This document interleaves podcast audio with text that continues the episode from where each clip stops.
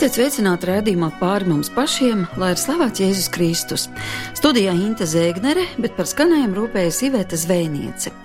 Vakar mēs esam sagaidījuši Romas pāvestu Francisku Baltijas valstīs. Iespējams, kāds no jums ir arī tiešraidē vērojis viņa ierašanos Viļņā un dzirdēja arī pirmās Lietuvā sacītās uzrunas, bet jau rīt pāvests Francisks ieradīsies Latvijā, kur tiks svinīgi sagaidīts gan Rīgā, gan Aglonā un neapšaubāmi pirms došanās šajā vizītē viņš ir iepazinis mūsu valstis, to vēsturi, pagātni, arī problēmas. Un, kā zināms, šī ir viena no pāvesta Franciska spilgtākajām iezīmēm, ka viņš nevairās no problēmu atklāšanas, no to celšanas gaismā un arī risinājumu meklēšanas. Viņam neder nekas samākslots, izskaistināts un neīsts, Viņš meklē patiesību, meklē dialogu un uzskata, ka gan cilvēka individuālā noslēgšanās sevī, pašpietiekamība un egoisms, gan arī baznīcas noslēgšanās savās sienās no sabiedrības, tas nav pareizs ceļš. Gaidīsim, ko rīt pāvests Francisks sacīs gan Rīgas pilī, gan arī Domā un Svētā Jēkaba katedrālē un, protams, Aglonā, kur notiks svētā mise viņa vadībā, bet šovakar palūkosimies praktiski, kādas tad ir tās spilgtākās tēmas sabiedrībā, ko pāvests vēlas izgaismot. Jo pagājušajā svētdienā mēs runājām par viņu kā cilvēku, par viņa raksturu, bet arī par to, cik svarīgu vietu viņš ierāda žēlsirdībai, ierāda nabagajiem, kā viņš aizstāv strādniekus pret viņu darba spēka necienīgu izmantošanu, par neadekvātu samaksu, it kā viņi būtu kādi priekšmeti, kurus var nolietot un pēc tam kā nederīgus izmest ārā. Bet šoreiz mēs veltīsim laiku viņa grāmatai, ko pāvests pēc savas stāšanās amatā uzdāvināja katram Itālijas parlamenta loceklim. Grāmata Pazemības ceļš, un šogad februārī tā iznāca arī latviešu valodā. Tā sastāv no divām esejām - Korupcija un grēks un par sevis vainošanu. Tā izraisīja lielu rezonanci sabiedrībā, un tā kā jau rīt mēs Latvijā sagaidīsim pašu šīs grāmatas autoru, tad šovakar es aicinu ieklausīties, ko par šo grāmatu un arī aktualitāti Latvijā ir sacījusi filozofijas doktore Skaidrīta Lasmane teoloģijas doktors no Šveices Andris Marija Jarumanis un priesteris Jēzuīts Jānis Meļņikovs. Priesteris Andris Marija Jarumanis ir rakstījis šai grāmatai ievadvārdus, un tāpēc vispirms es vaicāšu jums, kad un kas pamudināja pāvestu Francisku ķerties pie šī temata? Kāpēc tieši korupcija? Es domāju, ka e, šī tēma pavada jau kopš vairākiem gadiem pāvesta e, rakstus. Un e, šajā grāmatā pamatā ir viens notikums, kas ir noticis Argentīnā 91. gadā, Katamarkas provincē, kad notika izvarošana un slepkavība. Politiķi, kuru ģimenes locekļi bija iesaistīti šajā noziegumā, kavēja tā izmeklēšanu.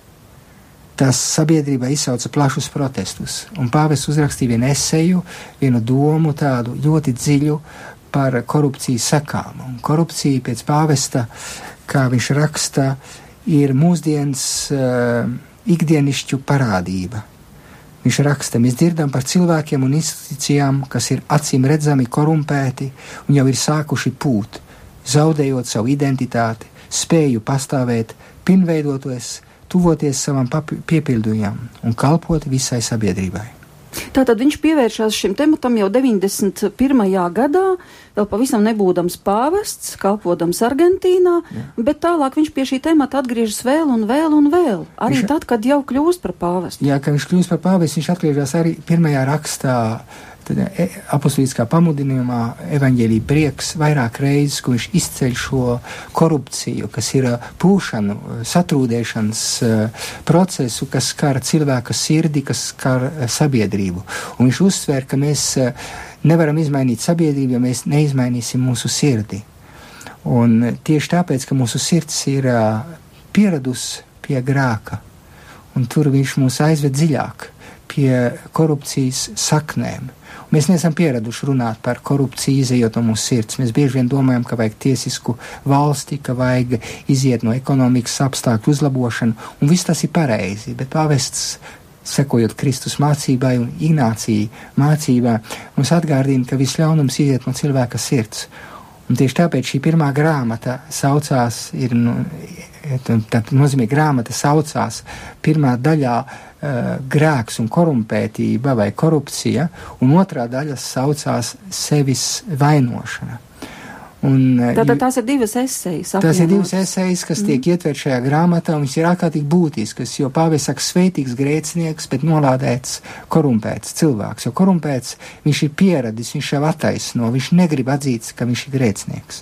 Un tāpēc svētīgs ir cilvēks, kas ir grēcinieks. Tas nozīmē cilvēks, kas atzīst, ka viņš netiek galā ar sevi. Jā, tam mēs vēl pievērsīsimies, bet kāda ir reakcija, eh, nu, kad augstākā garīdzniecība, runā par tādām ekonomiski politiskām lietām. Nu, teiksim, nevis par svēto dzīvi, bet par. Es domāju, to... ka pāvests runā par korupciju, ka, eh, kas skar jebkuru katru sabiedrību. Vai tā būs politiskā sabiedrība, vai tā būs um, baznīca, vai tā būs jebkurā katrā līmenī, vai tā būs ģimenes dzīve. Korupcija apdraud katru cilvēku. Bet kaut kāda reakcija seko, nu, piemēram, viņš pārmeta arī mafijai, kad viņš bija, es neatceros, kur Neapolē vai. Jā, tad viņš, viņš bija, nebaidījās. Redziet, ko viņš saka Neapolē 2015. gadā. Uzrunāja visus iedzīvotājus. Viņš nebaidījās atkārtot to, ko Jānis Pāvils II kādreiz bija teicis, un kuram sekoja uh, atentāts pret uh, Laterānu baziliku, kur viss uh, visa priekšējā, tas nozīmē baznīcas uh, vārti un, un logi tika uzspridzināti. Un pāvests saka tā, dārgie Neapolis iedzīvotāji, neļaujiet sev nolaupīt cerību, neticiet vieglas naudas apsolījumiem un negodīgiem ienākumiem, esiet nelokami pret organizācijām, kas izmanto un korumpē jaunatni nabagus un vājos, cīniski attīstot narkotiku tirgu un veicot citus noziegumus un kā lai mēs nepienam, nepieminam pāvesta drosmīgos vārdus mafijas pārstāvjiem, visiem noziedzniekiem un viņu līdzzinātājiem, baznīca atkārto: atgriezieties pie mīlestības un taisnīguma, ļaujiet, lai jūs sasniedz dieva žēlsirdību. Ar visu piedodošā dieva žēlstība ir iespējams atgriezties pie godīgas dzīves. Tie ir tātad pāvesta vārdi kādreiz eh, Neapolē, kas visus pārsteidza. Un mēs neesam pieraduši pie tā, ka viens runā atklāti, atklāti par, par ļaunuma saknēm.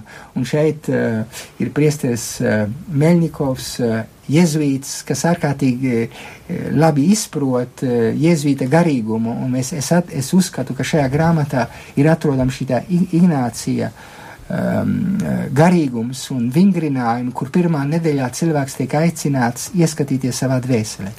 Nu, tieši arī nākošais jautājums būs priesterim Jānim. Apstājoties pie šīs pirmās esejas, vēl gribu arī pateikt, ka pirmo eseju ir tulkojis Evalds Ikaunieks, bet otro Astra Feldmane.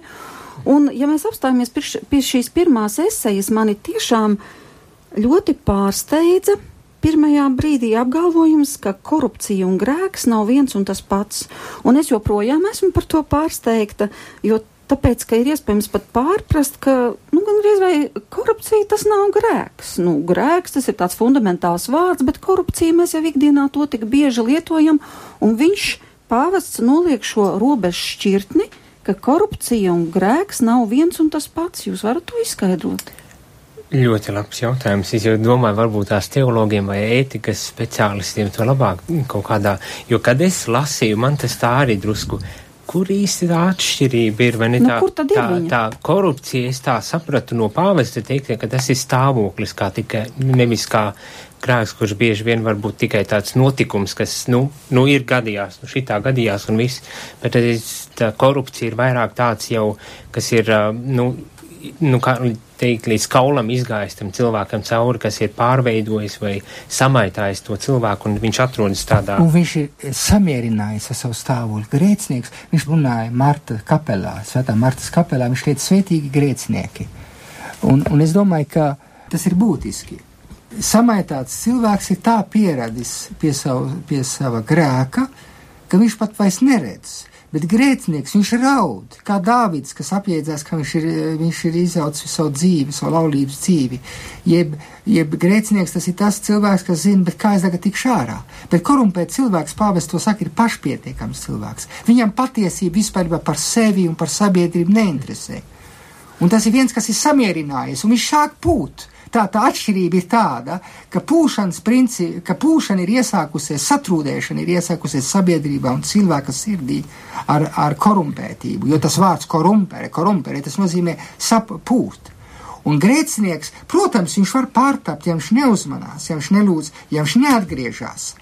Viņš var, viņš sāk, var sākt pūt, un tur tā robeža ir tāda, pāvis jau neaizstāv grēku bet viņš saka svētīgs grēcinieks, jo viņš vēl apjēdzās, ka viņš maldās. Un tieši tāpēc viņš saka, ka ja grēku var piedot, tad korupciju piedot nevar. Nē, korupcija tas ir cilvēks, kas negrib nemaz atgriezties. Viņš tad citē. Viņam nav vajadzīga piedošana. Nē, viņš, viņš dod kā piemēru farizēju, kas ienāk, ienāk templī un viņš saka, lūk, kungs, pateicos Dievam, es esmu tas labākais. Paskaties uz to muitnieku, kas tur ir aizmugurē. Viņš tik, paldies, kungs, ka tu mani aizsargājis no tā. Un viņš pārskatās, jo viņš domā, ka viņš ir labs, bet īstenībā viņš neredz sevi.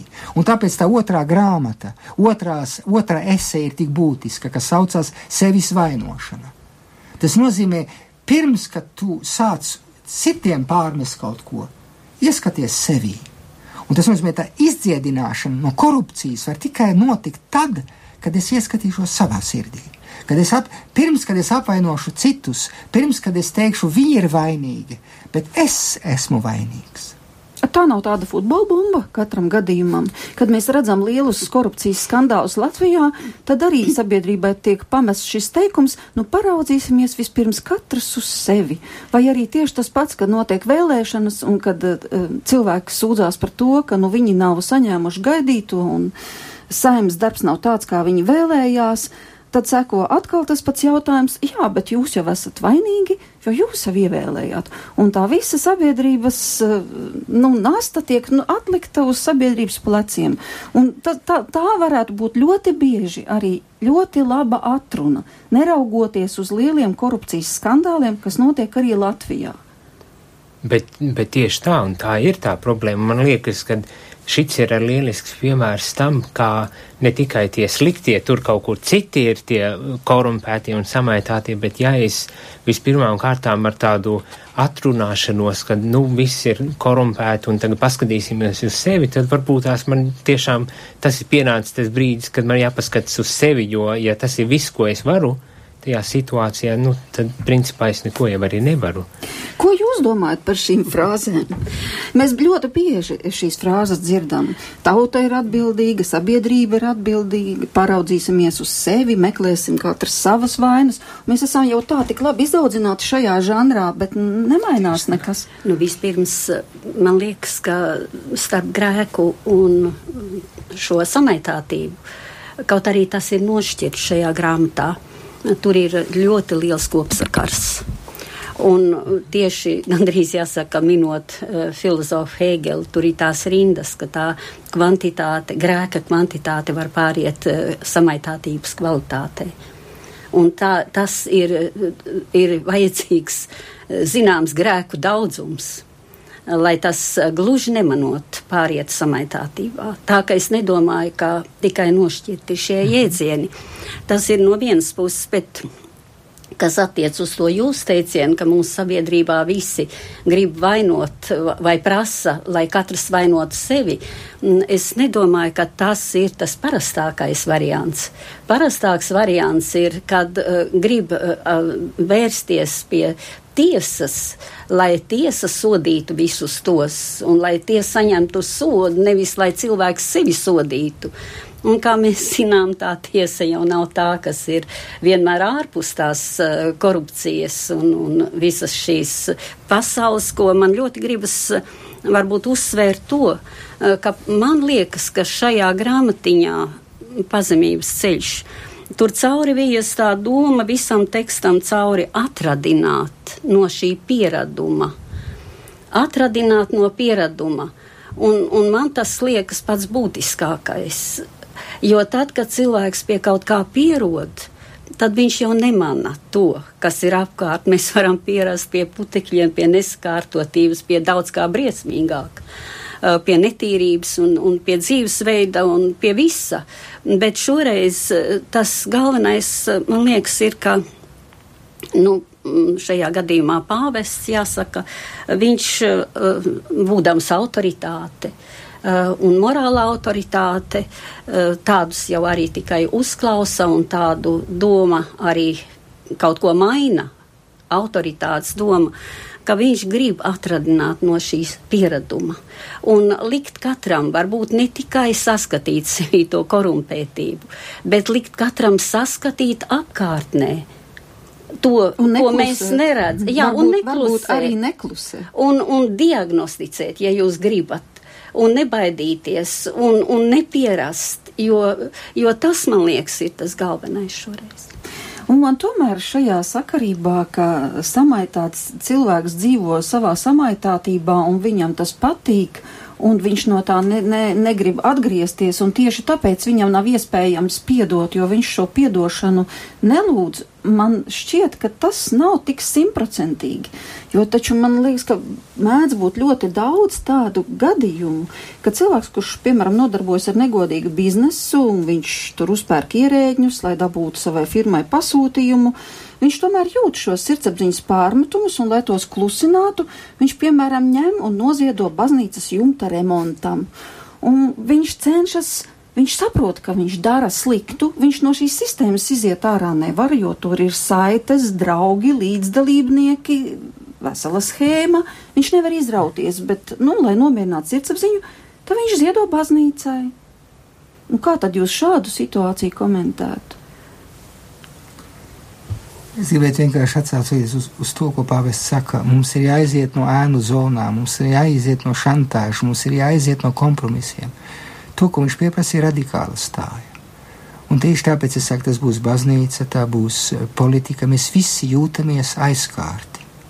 Šī grāmatai ir pravietisks spēks, un neviens nevar mierīgi gulēt. Vai mēs būsim biskupi vai konsekrēti cilvēki, vai mēs būsim biznesmeņi, vai mēs būsim vienkārši cilvēki. Mēs esam visi saistīti, un pats pāvests sevi noliek tajā situācijā. Un es domāju, ka tur ir tas pravietiskais spēks, kā viņš saka. Tas pravietiskais spēks viņš neatļauj vienam noslēpties. Mēs visi esam līdzdalībnieki. Paskatīsimies mūsu vēsturi. Nu, kas te notika ar atmodu? Kas te notika ar 4. maija republiku? Tur bija godīgi un negodīgi cilvēki. Un, un e, vēžu sū, šūniņas ienāca godīgā Latvijā un tās pārņem biznesu, tās pārņem politiku. Un tas nozīmē, tagad man es varētu pateikt, uh, attīrīsim visu, bet zāli un nezāli aug kopā. Mums ir jāmēģina šajā dinamismā pieņemt šo realitāti, bet mēģināt katram. Un tā, tā grāmata jau nav politiska grāmata. Viņa, nav, viņa vienkārši mēģina katru cilvēku uh, mudināt, ieskatīties savā sirdī. Un tāpēc tā otrā daļa ir tik svarīga - sevis vainošana. Bet arī jā, ņemt vērā to, ka nu, tagad mēs runājam, ka tur politiķi un, un mēs it kā tie labie, nē, bet eh, pāvis principā viņš varbūt tās tas iedīglis bija tajā politiskajā situācijā, bet tas, ko viņš raksta, viņš principā tieši tā viņš prasa, bet kā ir ar tevi? Un šobrīd man tā arī šķiet, vai baznīca ir autoritāte sabiedrībā, ja principā viss, kas ne tikai Latvijā, ārpus Latvijas, ka visur jau ir redzēts, ka, nu, nemaz tā autoritāte nav, ka tā korumpētība nav tikai, um, kā teikt, pasaulē, bet arī baznīcā, kurai it kā vajadzētu būt autoritātei ar garīgu stāju un, un mugurkaulu stingru vai ne, bet, nu, kad viņš principā raksta un, un, un it īpaši otrā um, daļa ir veltīta uh, tieši reliģioziem, garīgajai uh, kārtēji cilvēkiem, nu, e, vienmēr sakot, parādīt to, ka runa ir ne tik daudz par politiku kā par garīgu stāvokli, kurā visi atrodas. Nu. Es biju pārsteigts, ka pāvestam prasīja, bet uh, tad jūs atbalstiet kristīgās partijas. Viņš teica, man vienalga, vai viņi kristīgi vai nav kristīgi. Man ir galvenais, vai viens politiķis ir godīgs. Nu, mm -hmm. Es domāju, ka tas nav tikai par politiķiem. Ja? Mm -hmm. Šis darbs ir par ikdienišķu korumpētību. Tam ir ļoti, ļoti plašs, nu, kā lai to saka, saturs. Jā. Mm -hmm. Un, tad, kad mēs Latvijā lietojam šo korupcijas iedzienu, tad es jau jūtu kā mēs esam arī pieradināti pie tā, ka tas attiecas tikai uz politiķiem. Bet te ir pilnīgi citāds tas uh, skatījums, un uh, tas, ko Latvijā ar šo jēdzienu saprot, mm, ar to saprot dienesta stāvokļa amatpersonu politiķu ļaunprātīgu izmantošanu, ko arī var skaidrot vai saprast šauri un plaši kā grib tā skaidrot to. Un es domāju, tas arī ļoti plašs skaidrojums. Jo būtībā tas attiecas uz vienkāršu interešu konfliktu, un par šo varas apziņu jau šeit ir runa. Par to, kā šī varas apziņa tiek izmantot ļaunprātīgi, lai eh, tad arī gan samaitāts pats, gan arī samaitāti citi tiktu. Tā kā arī šis Latvijas jēdziens jau ir ļoti plašs, bet šajā uh, grāmatā tas ir daudz plašāks. Tas attiecas gan vēsturiski jau uz, kā mēs saprotam, uz bībeli, ar bībeli, ar ko tiek ļoti daudz ilustrēts. Un beidzot ar Argentīnu, un mēs jau šodien vairāk vakarā mēs varam runāt par savu Latviju, kur piemēru gan netrūkst tai pašai korumpētībai. Un ko es vēl gribētu teikt, ka tiešām ar šo grāmatu pāvests, kā viņš saka, sapurināt vēseles. Uh, lai cilvēki sāktu domāt. Lai viņiem tas nebūtu vienaldzīgs. Jūs minējāt eh, Bībeli, un kā arī tur ir korupcijas piemēri, un patiešām es līdz šim nebiju iedomājusies, bet tur viņu čumu un muļu varētu sacīt, jo Jūdas pārdod Jēzu par 30 sudraba gabaliem, jā. Tad, kad Jēzus ir augšām cēlies, augstie virspriesteri, kad pie viņiem atskrien sargi, saka, mēs jums labi samaksāsim. Tikai pasakiet, ka mācekļi pa nakti atnāca un Jēzu nozaga, un jūs viņu nenosargājāt. Nu, tādu pilnīgi precīzi korupcijas piemēri. Um, bet gribu vēl tomēr nocitēt kādu ļoti interesantu psalmu, kas ir vispār no vecās derības. Tā tad vēl pat uh, ne no Jēzus laika, kad viņš staigāja pa šo zemi. Un tas ir 73. psalms kur Dāvids saka Dievam, e, es dusmojos par lielīgajiem, kad es redzu, ka bezdieviem tik labi klājas. Un tiešām viņiem nav nekādu bēdu visu mūžu. Vesela un labi barota ir viņu miesa, cilvēku grūtības tos neskar, augstprātība ir viņu kaklarota un varmācībā viņi tērpjas kā drēbēs. Un tālāk Taukajā sejā spīd viņu aizplūdušās acis, un tajās atspoguļojas viņu sirds domas. Tas ir 73. psalms, un viņi zobojas un runā savā ļaunumā tikai par varas darbiem, un viņu runas ir augstprātības pilnas.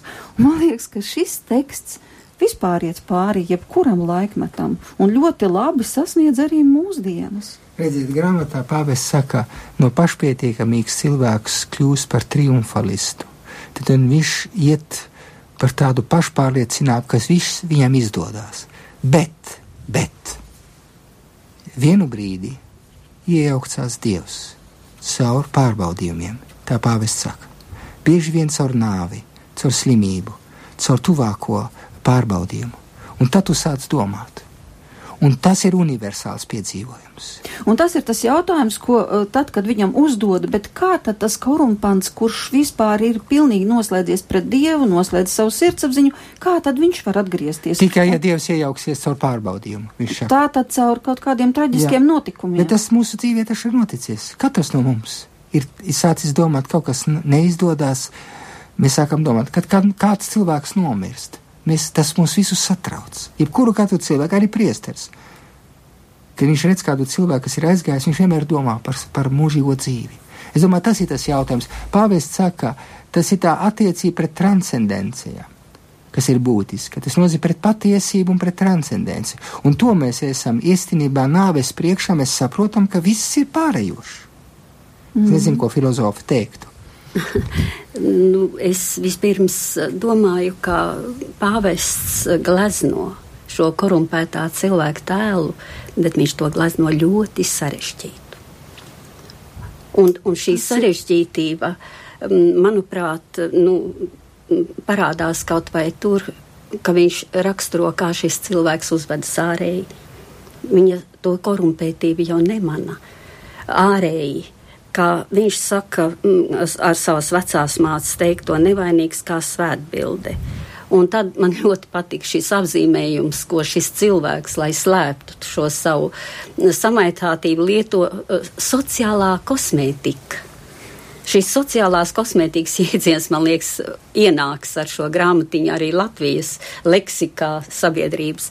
Bet tas, kas man liekas ļoti svarīgi, lai mēs saprastu šo sarežģītību, kas ar šo korumpēto cilvēku saistīta, man gribas teikt, ka uh, pāvests to zīmē ar ļoti dažādiem interesantiem līdzekļiem, piemēram, jutekliski. Jūs varat palīdzēt man uh, cik ļoti daudz ir tieši juteklisku tādu nu, ainiņu ar, ar ožu, jo viņš runā mm, par smirdoņu. Viņš atvaida ar to smaka. Jūs jau minējāt, Jerumaņa kungs, tad, kad bija uh, šī samaitātība, kas ar trūdēšanu saistīta, ar nāvi ar šo, ar šo uh, smaku, ar, ar, ar puve, pūmu. Uh, Tātad jutekliski viņš parāda šo nu, kā lai to saka, atsedz šo korumpētā cilvēka uh, pretīgumu. Uh, kas ārēji slēpts aiz šīs sociālās kosmētikas. Un ticiet man, šajās sejās, ko mēs redzam televīzijā, tik daudz no tā, ko es šeit izlasīju šajā korumpētā cilvēka portretā, ko jūs arī teicāt, šī nobarotība, labi barot seja, eh, kas ir pašpārliecināta, eh, kura smaida vai arī kurš liek šo savu, es nekādu komentāru, kas Latvijā ir tik pierasts, ka to nāksies drīz saskaitīt, cik cilvēki atrunājas, lai vajadzētu par sevi teikt patiesību, atrunājas ar nebūs komentāru, nav komentāru. Es domāju, ka to vajag uzskatīt par pamanāmu lietu, pret ko tāpat kā pret korupciju jācīnās. Jā, es domāju, ka ir pienācis laiks kādam muzikālam momentam. Haralds Sīmanis, un viņš ir viens no tiem, kas tomēr prot pamodināt dvēseles. Dievs darī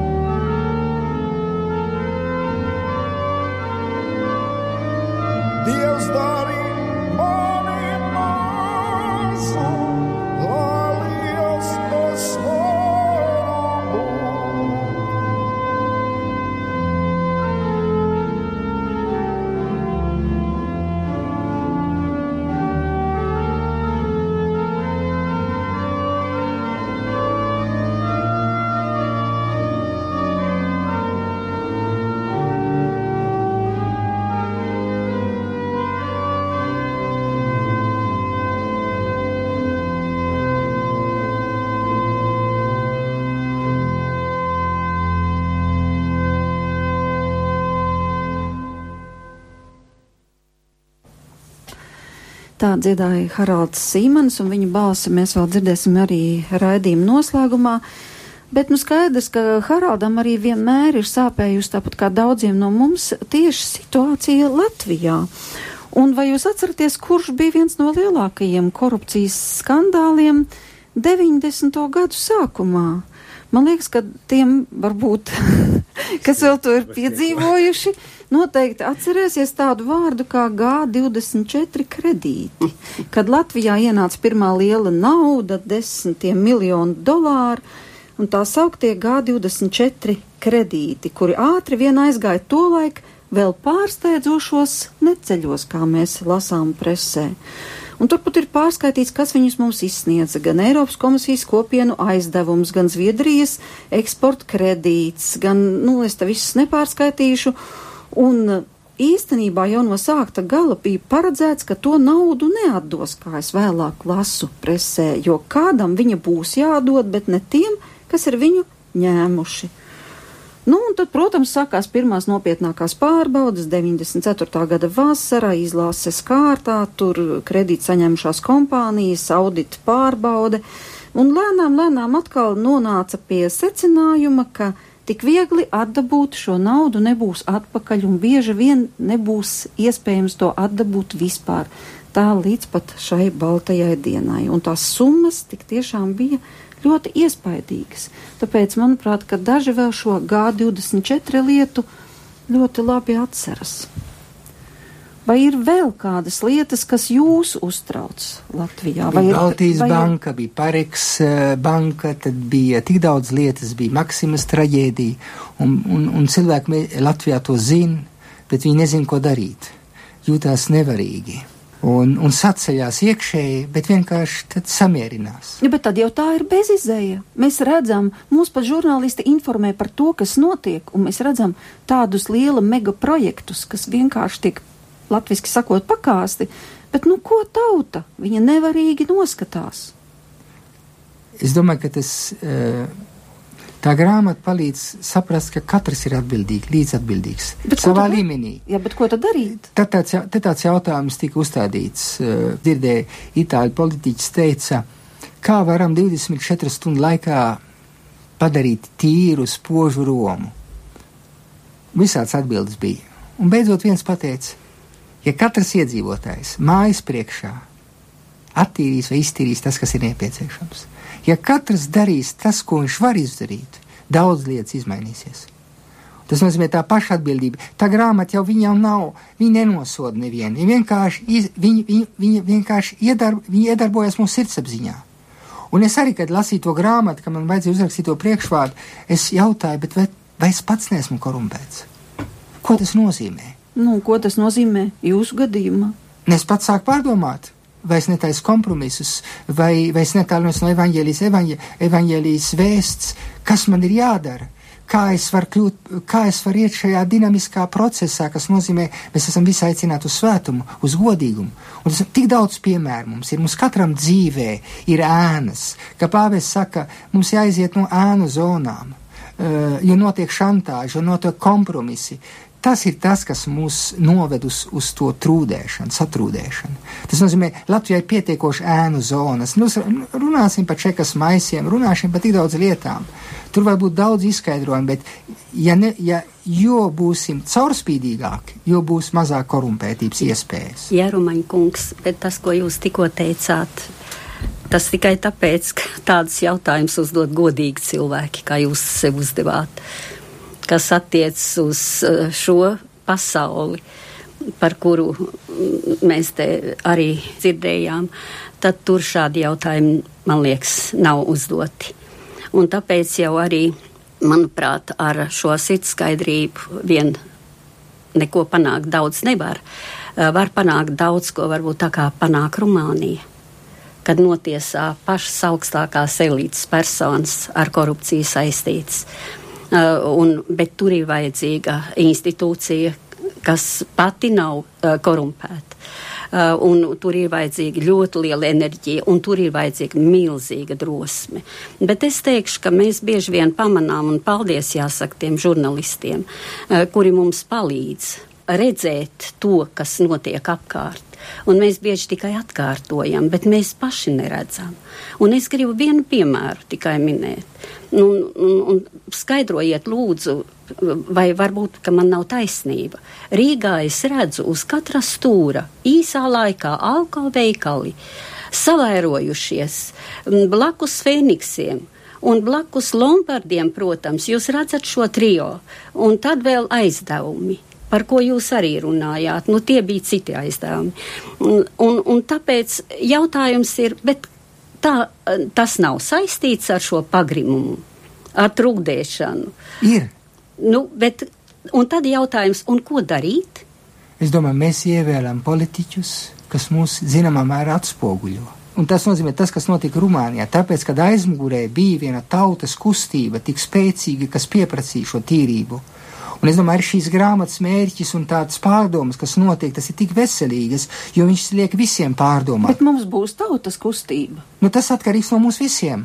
Vai baznīca, vai visas institūcijas, kas ir uzstādījis to jautājumu, bet vai mēs esam godīgi, vai mēs veicināsim šo godīgumu, tad varbūt, es nesaku, ka tas ir automātisks rezultāts, bet kas jums ir par atrisinājumu? Nē, mans atrisinājums ir tomēr, ka galvenais ir pamanīt. Jā sevi un arī, arī jā. apkārtnē. Kristus mums devis vienu atslēgu, ja patiesība jūs padarīs brīvus. Ja. Un tas ir patiesības jautājums. Mēs dzīvojam laikmetā, kur vienkārši mūs pārdod patiesība ar meliem. Un kā Goebbels teica, Hitlers propagandists ja, vai publicists, vai kā viņš bija, uh, melus uzreiz var tikai pārdot ar puspatiesībām. Un tā mēs manipulējam. Tas notiek masas informācijas līdzekļos, žurnālistiem ir ļoti liela atbildība, eh, avīzēm un tā tālāk. Es domāju, tas ir jautājums par patiesību. Pāvests tur vienā brīdī viņš saka, korumpēt cilvēks, viņš vairs nav atvērts uz patiesību. Un, eh, un, un tur katrs cilvēks var piedalīties šajā patiesības stundā. Ar kādreiz padomu savienībā Solženīcins un, un Saharovs teica, ja tu gribi, lai šī sistēma izmainās, tad saki patiesību. Bet totalitārisms grib, lai cilvēki nesaka patiesību. Un tad, kad mēs sāksim mazliet šo patiesību pateikt, kaut kas izmainīsies, pēc manām domām. Nu, es domāju, ka Latvijā varbūt arī mm, sabiedrība pārāk daudz paļaujas uz likumu. Un domā, ka ar likumu tiks galā ar šo korumpētību, bet nu, mēs redzam, ka tur sekmes ir ļoti vājas. Un tāpēc, ja jūs man jautājat, ko es domāju, ko darīt, vispirms pamanīt. Uh, pamanīt un neuzskatīt, uh, ka daudz kas, ko mums piedāvā kā zeltu, to pašu arī mm, nu, vieglo to, šo pašu kredītu, uh, neuzskatīt, ka tam visam ir jātic. Mēs runājam par mēdīju pratību ļoti daudz, par to, ka cilvēks jāradina pie patiesības atšķiršanas medijos, bet mēs ļoti maz, man liekas, dzirdam par eh, dzīves pratību. Kā dzīvot? Varbūt šis raidījums ir viens no tiem arī, kas uzrunā cilvēks un, un liek domāt, kā dzīvot, kā prast dzīvot. Bet eh, es domāju, ka tur ir ļoti dažādi ceļi, grūti sarežģīti ceļi cīņai ar korupciju. Bet arī eh, tā lieta, nu, viens ir būt vērīgam, otrs mainīt, skatīties uz sevi un, un dzīvot pēc savas sirdsapziņas, cik iespējams labāk. Bet otrs, un ko pāvests ir saka, ka dažreiz traģēdijai ir jānotiek, jo vienkārši, lai cik tu labs būsi un lai kā, ja, tā, ja nebūs traģēdijas, tad nenotiks tā izmaiņa. Nu, Jā. sašūmējis, tad sabiedrība, viņš... tad viņam ir tas stimuls, grūdums un, un uz tā viļņa iespējams, ka var tikai, diemžēl, ne jau ar to, ka vajadzētu tam būt, bet, nu, diemžēl, tāds ir tas stāvoklis. Ka, Jā, nu... bet viņš konkrēti min to, ka korumpētu cilvēku, kurš ir pašapmierināts un domā, ka viņš ir dzīves veiksminieks un viņam viss ir super, ka tieši šādu cilvēku visbiežāk Dievs pamodina ar traģēdiju. Jā, vai vai tā, ģimenē, vai, vai tuvā sabiedrībā, vai ar viņu pašu, respektīvi, ka viņa to, to mūri nekādīgi nevar izlaust, un ja Dievs ir žēlsirdīgs, tad viņam jālieto šādi radikāli līdzekļi. Jūs bankā esat vienu lekciju lasījis, cik es atceros, un tur arī runājāt par to pašu. Ne, es domāju, bija tāds gadījums. Es vienkārši la, nolasu, ko pāvests ir rakstījis pagājušajā gadā. Jārunā par korupciju, ir jāizceļ tās ļaunums, jāsaprot tās mehānismi un jāparāda griba apliecināt žēlsirdības spēku, kas pārsniedz mankārību. Ir jāpliecina meklējumu un radošo gara spēku, kas pārspēj vienaldzīgo noguruma garu un mums ir jāpliecina skaistuma uzvar par tukšumu. Korupcija vispārējā pakritušā cilvēka nesakārtotās dzīves forma. Tātad e, mums ir jārunā par to, mums ir jāizceļ, un tas ir labi, ka žurnālisti to izceļ, un mums ir jārunā par to. Un, un, un pazemīgi arī jāz, jāzina, ka arī, ja es runāju par korumpētību, man jāuzstāda jautājums, bet varbūt es pats esmu korumpēts. Jo kā es varu uh, aicināt uz, uz, uz atgriešanos, ja es pats neatgriežos? Starp citu, vienaldzīgais noguruma gars, man liekas, ir ļoti precīzs apzīmējums tai situācijai un stāvoklim, ko mēs ļoti izjūtam Latvijā. Ka vienkārši cilvēki ir noguruši, viņi redz, ka korupcijas mehānismi rullē savu gaitu, viņi dzird arī plašsaziņas līdzekļos par to, un viņos jau ir iesēdies šis vienaldzīgā noguruma gars, ka viņi vai nu saka, jābrauc prom, tad nekas labāks nebūs, vai arī vienkārši saka, nu mēs jau esam pa vecu, jāaiztiek ar to pensiju 260 un jādomā, kā savilkt galus. Un principā tas ir tiešām kaut kādā veidā Latviju paralizējis šīm partijām, kas tik ļoti grib Ziniet, tiekties ne, pie varas. Briselē nav nekāds tik, tik daudz spēļu zāles kā šeit. Nevienā Eiropas pilsētā nav tā kā Rīgā. Nu, bet, mēs, nav. Mēs tas nozīmē, tas parāda korumpētību. Bet nu, tas jā? parāda arī mūsu sabiedrību. Tas nozīmē, ka, ka jo šīs nu. spēļu zāles nav tukšas, alko veikali ne, neatveras tāpēc, lai tie stāvētu bet, tukši. Demokrātija pieprasa, ka mēs līdzdarbojamies. Mēs, nes, mēs nevaram būt pasīvi subjekti. Un, un, un, un tas nozīmē līdzdarboties, tas nozīmē tas ir, uh, rakstīt, tas ir pārdomāt par savu dzīvi, tas ir pārdomāt, kā es savus nodokļus maksātu, tas ir pārdomāt, ko es varu izdarīt. Un, protams, nebūt ar, būt ar realistam. Zāle un nezāle aug kopā. Jā. Mēs nevaram tagad gribēt visu uzreiz, bet mēs varam mazliet kaut ko izdarīt. Es nezinu, ko Lasmāns kundze tam saka. es pilnīgi piekrītu, ka kaut ko katrs mēs varam izdarīt. Jautājums ir par to, kā mēs to visu uztveram katrs, ne tikai politiķis. Bet man gribas vēl teikt, aiz visa stāv nauda. Aiz visa stāv nauda, sautīga vēlme to iegūt uh, un arī dzīvot ar to naudu. Un, un tur jau ir tā nelaime, un tur, tur ir tie smagie un sarežģītie jautājumi, ko pāvests uzdod. Jā, nu tūlīt jau arī pienāks eh, mūsu raidījuma noslēgums. Hmm.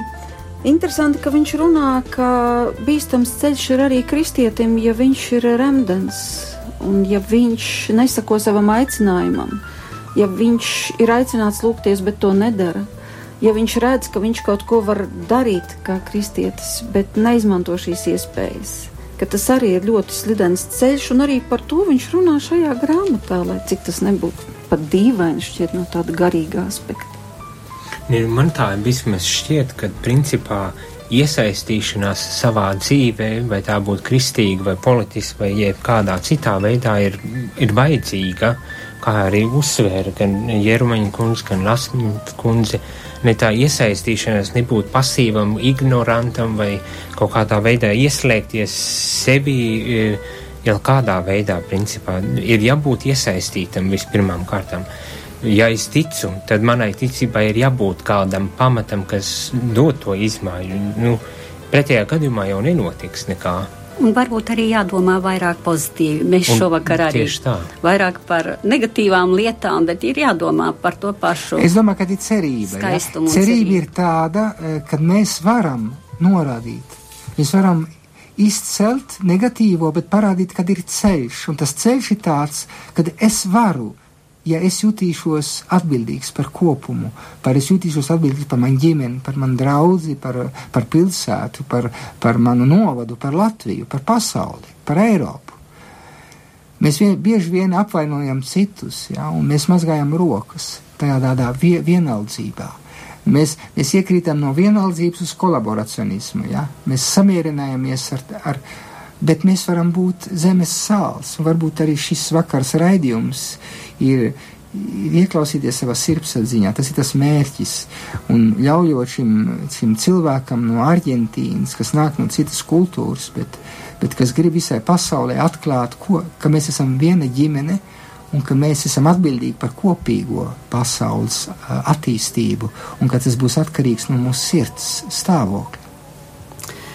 Ar to mums arī jānoslēdz šis raidījums. Un es tiešām neatceros, kur tas ir bijis rakstīts svētajos rakstos, bet ir trīs ļoti skaisti padomi, kas ved katru cilvēku pretī svētībai. Un tur ir rakstīts: dari taisnību, mīli žēlsirdību un pazemīgi staigā Dievu savu kungu priekšā. Un man liekas, ka izrietot no tā, redzot, ka Dievs mūs vēro, pazīst, zina mūsu domas, sirds nodomus, ka tā varētu būt laba atslēga, lai mēs pārāk nenovirzītos ne pa labi, ne pa kreisi. No tās patiesības, kas mums ir katram sirdī ielikta. Paldies šovakar par raidījumu, saku priesterim Andrim Marijam Jerumanim, teoloģijas doktoram no Šveicēm, kurš gan bieži šeit ir Latvijā, no Šveicēm pat daudzskaitlī palielināju jūsu valsts izmērus, arī jezītu tēvam Jānim Meļņikovam un filozofijas doktorei Skaidrītei Lasmanai. Paldies, Paldies ka jūs Paldies. ziedojāt laiku Paldies. un bijāt šovakar ar mums kopā. Un arī tagad jau mēs dzirdam, kā dzied Haralds Zīmanis un viņa dziesmām patiešām ir filozofisks saturs. Jau.